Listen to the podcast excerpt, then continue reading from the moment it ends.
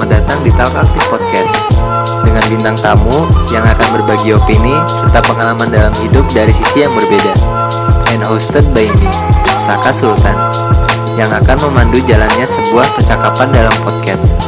Podcast ini diperuntukkan bagi siapa saja yang ingin mendengar dan mau belajar Dari pengalaman orang lain yang bisa dijadikan pembelajaran dalam hidup. Semoga bermanfaat dan selamat mendengar.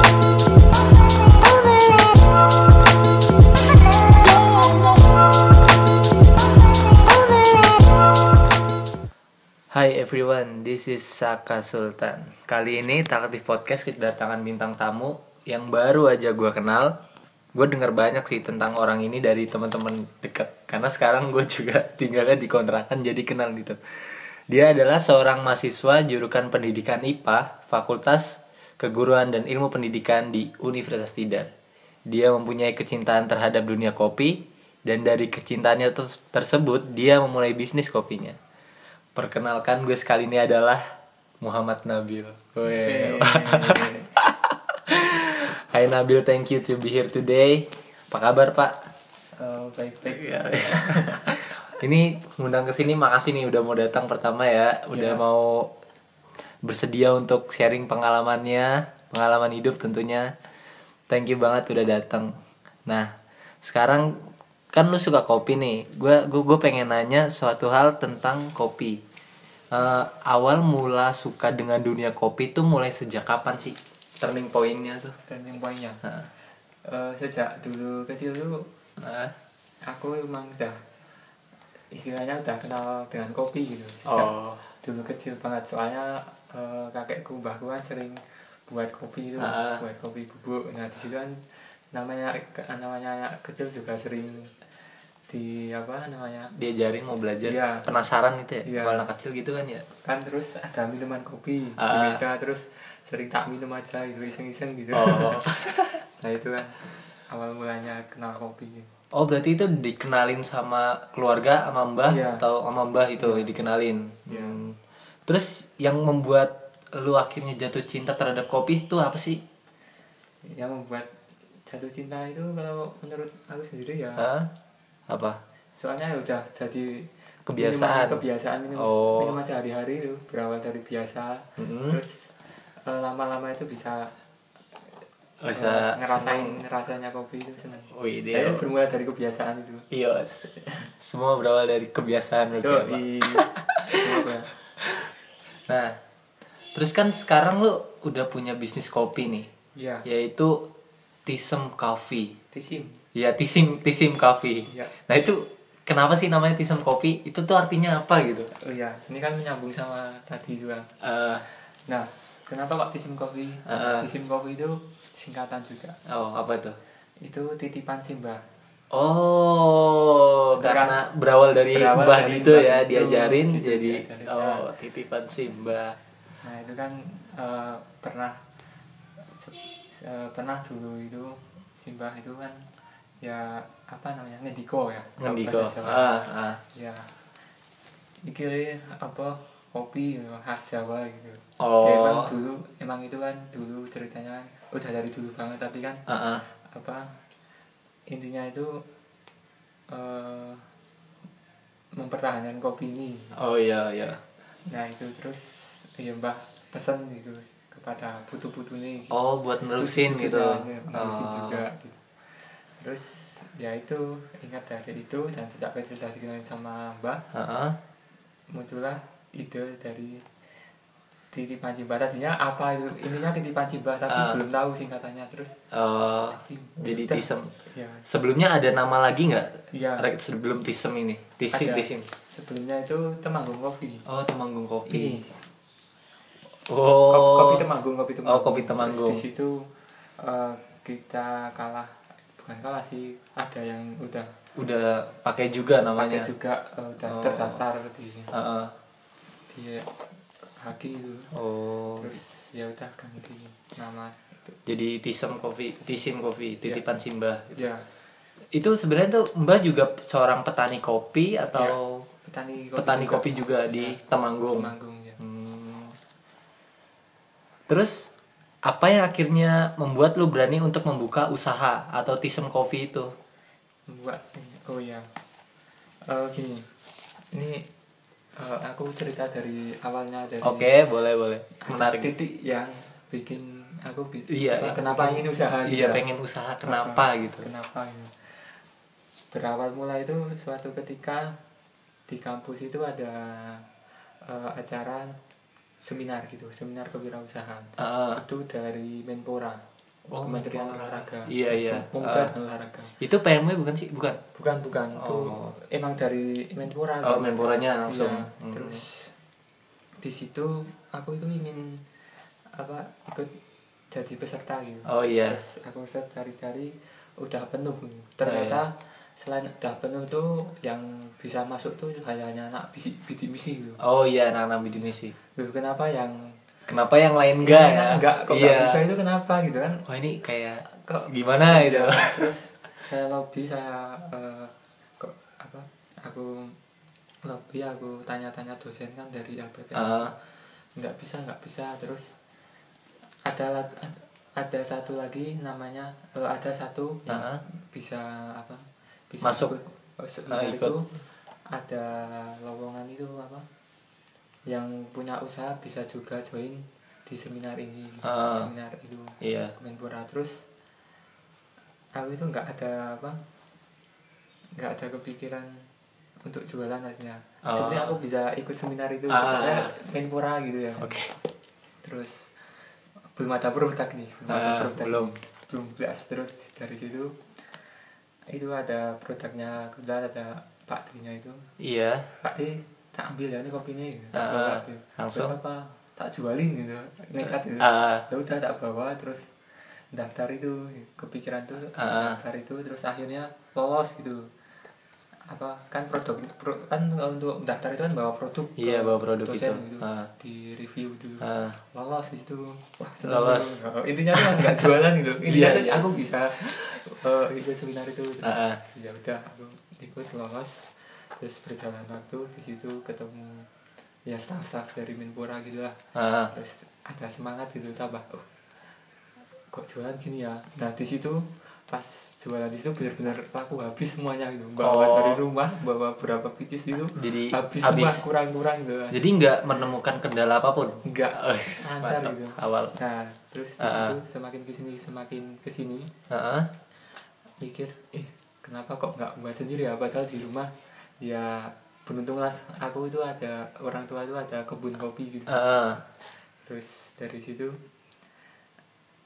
eh, pernah suatu ketika juga emang ingin apa jualan kopi itu soalnya apa anenan kopi kalau dari kebunan biasanya diolah sendiri terus nanti habis itu dijual ke tengkulak iya benar. Itu harganya itu eh, harganya nggak sesuai dengan jerit payah selama oh setahun gitu iya iya benar benar. Oh berarti nggak harganya miring banget ya kalau Iya. dijual itu iya oh. ke tengkulak Ah. tanda kutip Cina gitu Ah, biasa kan? Iya biasa Nah, dari situ pernah suatu ketika aku disuruh nganterin barang kopi itu ke sini. Ah. Tawaran-tawaran harga gitu. hmm. Ah ini enggak apa enggak cocok gitu namanya. Iya. Pak Bu gitu nah, Iya, benar, benar. Ya udah aku pasang di situ terus dari situ mikir loh. Terus selam, eh, semakin ke sini pas di kampus itu kan semakin lingkungannya kan kebetulan teman-temannya semua kan eh, lingkungan kopi gitu. Iya. Kebetulan ah benar orang-orang suka kopi terus dulu belajar belajar terus kenapa ini kok nggak diolah nggak buat merek sendiri Oh. aja ya gitu Oh jadi lingkungan juga tentang kopi-kopi juga. Iya. Oh jadi circle-nya dukung ya berarti. Iya. Hmm. terus di situ mulai ada titik Kenapa nggak buat sendiri aja Iya, gitu? eh, padahal ada bahan baku gitu. Ah, ah. Goblok ya aku kan dulu kan apa kok malah reseller gitu Ah, benar. karena nggak buat sendiri malah untung. dan ternyata untungnya lebih Lebih gede. Lebih, iya. Oh. terus kok nggak dari dulu gitu mikirnya Ah. ya agak agak sempet ya mikir gitu gitu terus ya itu terus kita apa buat proses produk nyetak sendiri Ah. buat desain gambar itu sendiri Oh ini desain sendiri juga ya, produknya. ya sama kakakku juga ya Ah, terus buat buat pro, apa, kemasan juga gimana Hmm.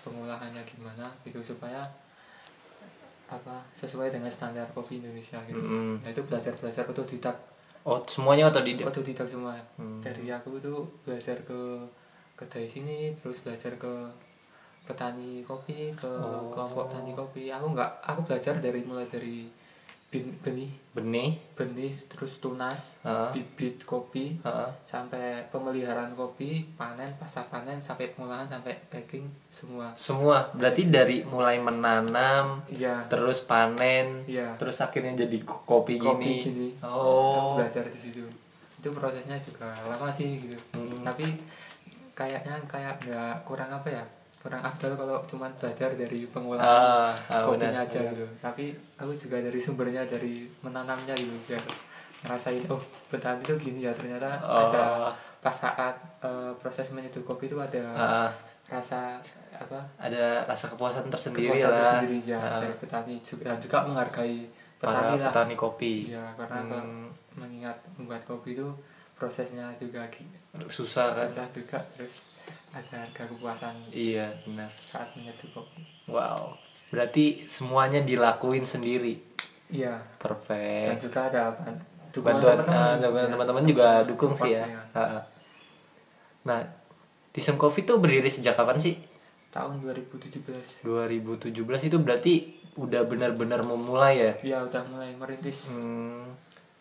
Terus kan maksudnya tuh selain jual produk-produk gini secara online dan offline, Tisem, Tisem Coffee tuh ikut kayak event-event gitu gak sih? ya mulai tahun 2017 saya merintis kemudian di situ mulai aku mulai dikenal sama teman-temanku Heeh. paling nggak di kampus gitu lah Iya. Nah, kemudian kemudian eh, pas setiap ada event dari fakultas teknik gitu Heeh. fakultas ekonomi mesti diundang gitu ditawarin gitu Heeh. mau buka stand nggak di sini harga sekian harga sekian Hmm. sekian sekian gitu. atau bayar terus ya itu pasti kalau harga cocok sama apa harga oke sama jumlah pengunjungnya oke Mm-mm. ya buka gitu Buka. ya terus ya di situ setiap event kalau terutama event kampus tapi Ah. itu mesti saya aku ikuti Ah, sama ikut. teman-teman. Event paling besar yang pernah diikutin apa? Paling besar itu sebenarnya itu be- besar semua tapi Oh, tapi kalau yang paling rame gitu. Yang paling pecah kayak kalau paling pecah yang di gini yang di FKIP sama di ini pas kemarin wisuda Oh iya iya iya di gedung itu ya. ya di gedung Tribakti. Tribakti. Oh, itu paling rame tuh. Heeh. dua-duanya itu Dua-duanya. Oh. kalau yang di FKIP aku ikut kebetulan produkku tak ikutin program PW itu Oh iya. alhamdulillah lolos Lolos Nah, dapat dana lagi. dapat dana lagi buat beli alat-alat apa kopi, Kopi. juga terus ya di situ Jadi nambah semangat gitu ya. tambah semangat alhamdulillah responnya dari teman-teman Juga baik. di FKIP juga bagus ya pada minat semua Ah, habis itu waduh. jualan habis ya alhamdulillah tuh habis sampai kurang-kurang gitu Iya. itu nggak nyangka sih cuman gini aku cuman eh, apa namanya dari rumah itu Nah, ya udahlah target paling nggak kejual 50 gitu Oke. 50 50 apa, buat cup, gelas ah, gelas gitu terus ya udah terus jalan terus sampai siang itu kok nambah terus kok tak bertambah Ah. terus sampai bener-bener habis gitu. Oh, udah habis udah berapa? habis semua gitu Minus nggak tuh?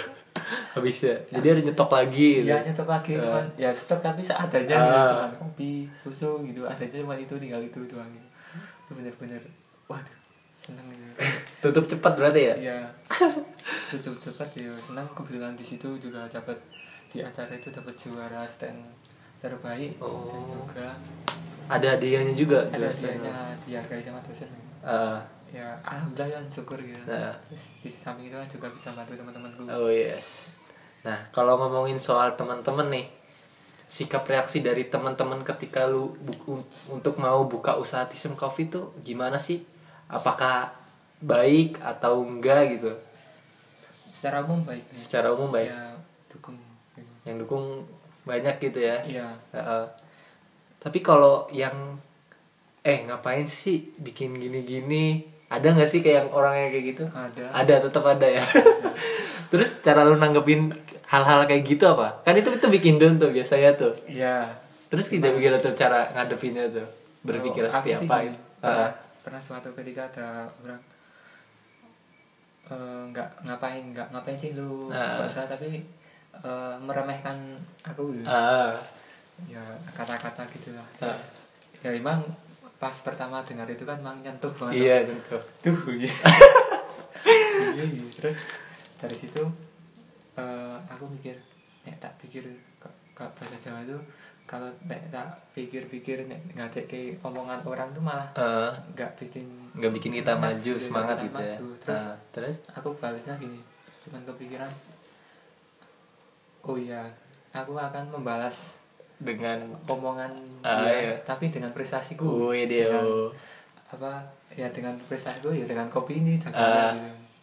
karena dia apa me- apa ya namanya? Kata-kata itu ah, komen kata-kata gitu ya tak balas dengan prestasi gitu. Prestasiku ya kopi aku bisa supaya gimana caranya membuktikan kopiku bisa maju. Ah, biar dia orangnya itu yang ngata-ngatain gue ya tahu dengan sendirinya gitu. Oke. Jadi gitu cara nanggepinnya kayak jangan balas omongan sesuatu omongan negatif dengan negatif lagi tapi Iya, dengan dengan- prestasi iya, hal-hal yang positif, gitu iya. tapi terbukti kan Tisem Coffee meledak Iya, Iya. alhamdulillah itu. Ah, kan? bersyukur aku sampai sampai sekarang itu masih bersyukur Masih- bisa lanjut bisa Ah, ya maksudnya bisa sampai titik ini, ini. sekarang itu. Kadang suka nggak nyangka nggak sih oh kok gue ada di titik ini sih sekarang? Iya. bisa gitu antara nyangka dan nggak nyangka kalau nggak nyangkanya uh kok bisa ya? Tapi kalau nyangkanya emang dari dulu emang udah Ah. merintis Ah. gitu dua-duanya itu itu emang udah benar-benar dari nol sih iya ya. dari nol emang. Hmm. wah itu emang lumayan sih emang proses tuh yang iya yang harus dipertahankan harus semuanya emang proses gitu nggak ada yang instan gitu. Ah, ya bener sih nah terus kalau keluarga sendiri gimana dukungannya ya keluarga dukung kayak ayah saya ibu saya itu Hmm. dukung yang penting eh, malah sebenarnya yang bikin tambah semangat lagi itu Mm-mm. eh, ayah ayahku gitu Ah. karena bilang gini kalau mau usaha ya intinya itu harus berani gitu Ah, kalau bahasa Jawanya tuh nekat nekat ah, wani sih gitu. manis terus? Terus di situ kan? Nah dulu itu kan sempet sebenarnya aku malu nih jualan kopi. Gitu. Hmm. apa sih jualan kopi? Gitu iya benar. Malu itu pertama buka stand juga malu gitu. Ah, Ah, itu apa mesti ingat kata-kata ayah dulu. Hmm. rasa izin wani sih wani sih gitu. Ini Ah. wani sih wani sih apa pun yang terjadi harus dihadapi gitu. Izin ra izin Ah, ramangan. Nek izin malah ramangan iya itu- benar itu- benar itu. benar benar benar. terus ya dari situ poin saya pegang itulah Ah. kata ayahnya wis mantap mantap sama nggak izin nekat gitu Ah. berani sih gitu. Walaupun aku cuman ad- apa pertama kan? alatnya aku nggak ah, belum punya ah, alat belum belum ah, sama belum. sekali nggak punya alat alat. Iya. Cuman ada bahan baku modal kopi nih. Iya. Nah, terus aku kan nekat gimana supaya adanya kopi. Terus kan kita cuma apa punya teman gitu iya kenapa kita kenalan itu uh, punya kenalan teman punya banyak teman kenapa kita nggak Ah. butuh bantuan toh Ah. kita hidup juga sosial manusia hidup sosial Iya. Nah, itu kan ya apa minta bantuan teman-teman di support ayo cariin dicariin kopi cariin alat-alat kopi Ah. itu alhamdulillah bisa komplit teman-teman ada support Oh. bener-bener komplit kayak Ah, kayak sebuah mini kafe gitu loh. Iya. Ini juga sudah maju gitu. Alatnya pinjam semua gitu. Teman-teman ya itu berkat dari teman-teman juga. Jadi peran teman-teman sama keluarga tuh vital banget ya Iya. di terutama keluarga. Oh, sih. keluarga juga Ya, dukungan keluarga. tuh, support tuh gitu Yang penting nggak keganggu kuliah. iya Itu. nah untuk pacar gimana nih pacar dukungannya Pacar. oh nggak ada nggak ada apa gimana nih kan itu itu juga salah satu faktor X yang buat semangat apa doi Iya. itu Eh, itu kalau itu yang penting nggak keganggu lah malam mingguannya. Nggak keganggu semuanya. Oh, iya. Nggak keganggu semuanya intinya. oh iya Itu lah. Oke, Bray. Terus kan dari tadi nih kita cerita tentang kayak pengalaman baik-baik nih. Kalau pengalaman buruk ada nggak nih dalam pertama eh, merintis us- usaha kopi menjalani bisnis itu ada nggak sih pengalaman yang buruk yang susah gitu? pengalaman yang susah? Eh, ya sebenarnya sih nggak susah ya. Eh, tapi kayak emang apa hambat oh, cuma kendalanya kendalanya apa? kendalanya misal kalau pas buka stand itu Eh, hujan gitu kan. Oh, itu eh, apa ya namanya produk-produk kan basah oh ya ya ya ya. ya. itu cuma kendala cuman kalau untuk kendala yang paling berat emang semuanya berat karena gimana ya aku emang menjalani emang berat rasanya Oh, iya, iya. apa, Buka buka, stand usaha aja jadi, ah. sudah berat gitu terus Oh, tapi iya. Aku menanggapinya ya enjoy aja jalanin aja gitu mengalir aja itu Oke. mengalir aja. Jadi itu cara, cara menyikapi ya. Iya. Jadi sebenarnya nggak ada yang berat kalau kita mau ya, kita mau, eh, lewatin aja. Terus kalau dari great experience sendiri tuh ada pengalaman yang paling berkesan banget dari Tism Coffee itu apa dari awal merintis apa yang tadi nggak nyangka itu ya paling ya nggak nyangka kok udah bisa sampai sini sih pengalaman Ya, terbaik itu- selain itu itu salah satunya terus yang kedua itu apa eh, ketika buka stand di acara fakultas lain itu ada perlombaan gitu. Oh. Nah di situ apa dapat juara-juara kopi. Oh ya Tism Coffee tuh udah pernah dapat penghargaan apa sih? Juara apa aja gitu? Ya juara. Oh iya PMW lolos itu. ya PMW lolos salah satunya terus juara-juara di itu dapat piagam penghargaan Oh iya itu. stand kopi itu Oh itu. Ya keren sih Pak.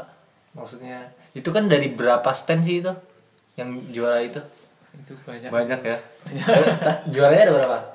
juaranya cuma ada tiga Tiga. stand terbaik terus apa namanya cara Penjualan gitu. penjualan yang Terbaik juga. Oh. terus satunya lagi produk sih kayaknya Hmm. tapi nek produk aku kalah sama produk yang franchise Oh iya iya Soalnya franchise franchise. franchise emang udah punya nama tapi Iya.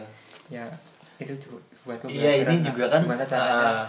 nanti Tapi itu juga suatu hal yang membanggakan Pak. Soalnya kan tis tisim tuh baru kan. Baru Oh, sekali. Itu baru terus Baru sekali ya, juara Iya. tuh. Gila gila gila gila. Nah, Pak, terus menurut lu nih keadaan industri kopi saat ini tuh gimana gitu? kalau industri kopi untuk saat ini kalau di Indonesia sudah booming sekali Udah booming, udah booming banget ya. udah maju gitu lah nggak kayak seperti dulu dulu itu belum Nah, dulu itu belum pernah ada namanya kayak eh, kedai kayak kayak kemasan kopi Ah. sekarang dulu belum ada cuman masih kemasan biasa gitu Hmm. semakin ke sini semakin ke sini banyak beberapa kopi olahan produk kopi misal kopi susu apa apa macam Hmm. Ah, banyak kan iya, produk iya, produk kopi kemasan gitu kan juga banyak Ah. ada blend ko- kopi campuran arabica robusta maju Ah, lah kalau sekarang. iya. pesat, pesat sekali lah penikmat kopi juga banyak udah banyak sekarang ya sekali, kedai bertebaran. bertebaran Terus Semua banyak orang Hmm. minum kopi ya Semua orang minum kopi sekarang. Bahkan produk-produk kopi juga sekarang udah berbagai macam di Indonesia. berbagai macam ya Selain robusta sama arabica. ya Itu banyak kan, Pak? Eh. jenisnya emang ada tiga robusta arabica sama liberica Eh, itu itu kopi yang di Indonesia gitu tapi penjualannya udah luar biasa saat ini eh. Terus juga setuju gak sih kalau film filosofi kopi tuh ngangkat banget Ya. untuk industri kopi gitu? salah satunya itu kebetulan filosofi Itu kopi, kopi. ngangkat banget, pecah Ngangkat. sih itu. Pecah gitu, Eh, iya.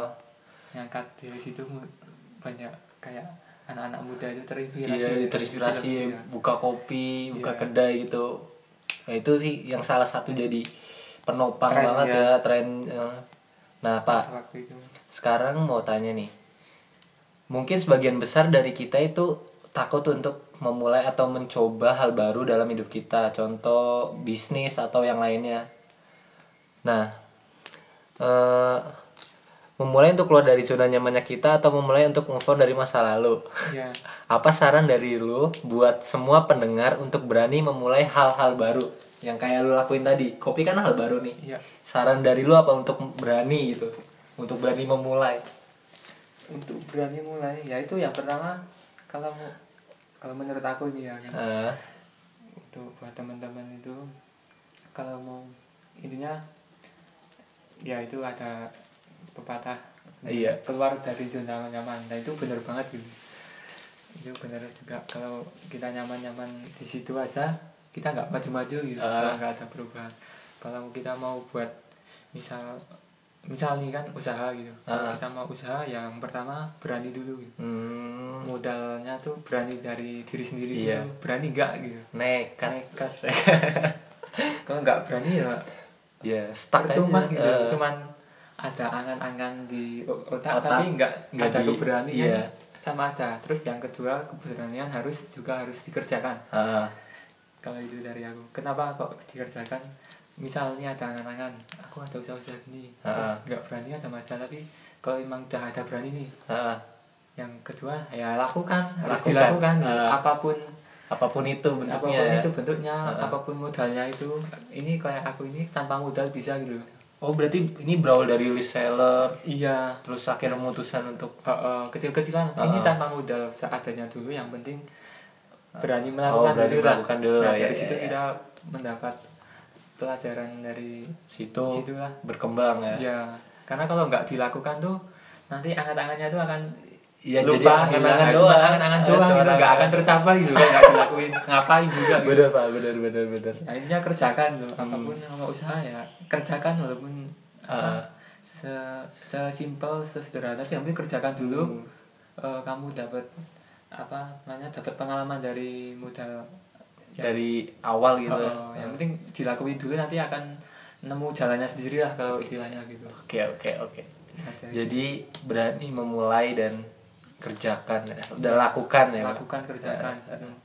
dan juga kalau aku sih bantuan dari karena support dari teman-teman juga, juga. ya, ke- harus Eh, ingat juga teman-teman kembali lagi Mm-mm. paling enggak hasil kayak aku jualan kopi ini karena Mm. aku support bantuan teman-teman ya di situ eh, istilahnya aku juga bisa membantu secara tidak langsung membantu teman-teman aku juga memberdayakan teman-teman aku di sekitar aku lingkungan keren ya aku pak. dikontrakan. Minimal eh, kalau kasarannya tuh minimal tuh potongnya wareg gitu. iya Nggak bareng mau- bareng bareng wareg bareng bareng susah bareng bareng yo gitu.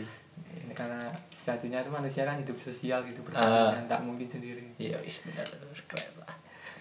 Itu sih cuman alah ini cuman omongan. Ah, biasa gitu. Yang penting itu aja sih. Ah. ada modal nekat sama lakukan. Kalau nggak dilakuin nggak akan tergapai gitu. Hmm. cuman angan-angan tok kan nanti hilang kabar iya. kebusuk. Hanya angan-angan. Iya. Terus pak nih? Keinginan terbesar apa yang lu mau untuk Pisim Coffee? Keinginan terbesar. Paling besar atau apa pak? Kalau yang paling besar emang ada target di situ visinya. Selain apa memasok bahan baku untuk industri kopi di kedai kafe Ah. di Indonesia Pisim Coffee ya emang ada sebuah target harapan untuk istilahnya buka kafe buka kafe Iya. buka kafe sendiri ya buka kafe sendiri terus nanti basicnya itu nanti temanya tentang pertanian tuh hmm. biar apa biar nggak lupa sama ya biar tahu kopi itu nggak sembarangan kopi loh ini ada prosesnya dari petani dari mulai bercocok tanam sampai menjadi kopi kopi Ya itu gitu. gimana Terus, gitu ya kalau bisa ya bisa nyaingin lah Starbucks Amin. Tisum kopi saya Starbucks pak. iya Hmm, keren keren pak. Itu jadi keinginan terbesar lo itu. iya Nah sekarang nih, jika lu jadi Menteri Pertanian atau Perhutanan Indonesia, apa yang bakal lu lakuin untuk para petani kopi dan industri kopi di Indonesia? Tuh pak, apa pak? Bayangin aja, apa yang mau lu lakuin jika lu jadi menteri? This is the crazy question, padahal man. aku FKIP loh ini Iya. guru ya intinya emang eh, ada emang jadi guru itu emang Eh, pertama tapi sampingannya usaha gitu hmm. kalau seumpama jadi petani kopi yang pertama kalau saya UMKM itu saya modali. Kalau Oh. jaringan itu. yang Oh. pertama petani kopi semua produk dari dalam negeri Eh, dipakai. Jangan ada impor kopi pertama. Sekarang udah mulai banyak itu. Iya kopi- juga udah mulai kopi dari luar. Heeh. padahal di Indonesia banyak. Nah itu di situ petani kopi. Yang pertama intinya petani kopi itu kenyang dulu ini oh iya iya. Kalau kenyang kan bisa berpikir tuh Ah. bisa terus di apa intinya semua untuk memajukan tuh bahan baku tuh dari Indonesia semua kopi. Terus yang kedua memberi lahan kepada invest, investor asing tuh untuk memajukan UMKM kopi ini. Oh. Karena kendala dari UMKM ini kan cuman kebanyakan ada produk nih tapi Iya. nggak ada modal iya sih benar pak Nah, kemudian datangnya investor dari luar di situ dikembangkan Heeh. di situ, di situ juga membuka peluang usaha juga bagi petani-petani kopi yang lain ya, dan juga bagi orang-orang banyak Ah, karena kan iya benar terus membuka peluang usaha modal gitu membuka peluang usaha bagi masyarakat Indonesia sendiri Hmm. Ah. dan juga produk dari Indonesia sendiri bukan produk dari luar Iya, lah, iya, intinya benar, gitu terus di situ juga apa kan nanti endingnya tuh nanti jadinya ekonomi Indonesia akan meningkat gitu oh iya karena iya iya perekonomian produk-produk dari Indonesia itu eh, dalam negeri ngangkat gitu Hmm, benar, benar, benar. bukan dari produk-produk Luar. dari luar gitu Hmm. yang apa investasi di Indonesia tapi cuman mem- hanya memper- memperkerjakan orang-orang di Indonesia cuman Iya. Indonesia nanti intinya kalau aku mengamati ya cuma dari buruh gitu. Ah, iya cuma jadi buruh ya nggak ada yang jadi atasan Ah, atasan udah ah. di sama orang luar semua gitu benar benar kenapa kok nggak yang UMKM ini bu diangkat Ah, ah. dibuat perusahaan gede ada investor ya ini investor ya dari Indonesia yang punya banyak duit ini Ah. ya ini UMKM itu diberdayakan diangkat gitu oh jadi perusahaan besar tuh bisa menyerap karyawan ya enggak karyawan Iya pasti sih. bisa menyerap tenaga kerja Tenaga banyak dari kerja Indonesia banyak. ya produk lokal dari orang Indonesia sendiri Heeh. pada endingnya nanti bisa mengangkat ekonomi Indonesia nanti bisa mendunia itu pastilah Oh, itu. kuncinya di situ intinya mau eh, petani kopi jadi raja di negerinya sendiri ya iya jangan ah. cuman iya import import tapi kan sebenarnya juga nggak kalah bagus kan dari biji kopi kita dan biji kopi luar sebenarnya kan hampir sama-sama aja sama-sama aja karena Hmm. cuman sistemnya yang Heeh. dari kita kurang ya nggak kurang sih. Ya gimana ya? Gitu. Iya, iya, Nggak iya. bisa ngomong apa apa dari kayak gitu. Bisa teman-teman bisa lihat sendiri kan apa sekarang. Prosesnya soalnya nomor di nomor Indonesia itu produksi terbesar nomor tiga di di dunia produksi kopi sendiri. Iya Ya, itu fakta baru yang baru saya tahu. Nomor tiga besar terbesar di dunia ya. Iya. Hmm. Harusnya bisa gitu Oh, kan, harusnya bisa ya. Jadi harus benar-benar dimanfaatin tuh ya dengan Iya. nomor tiga terbesar di Iya. dunia itu. Nah ini pak the last question. Harapan lu untuk industri kopi Indonesia ke depannya?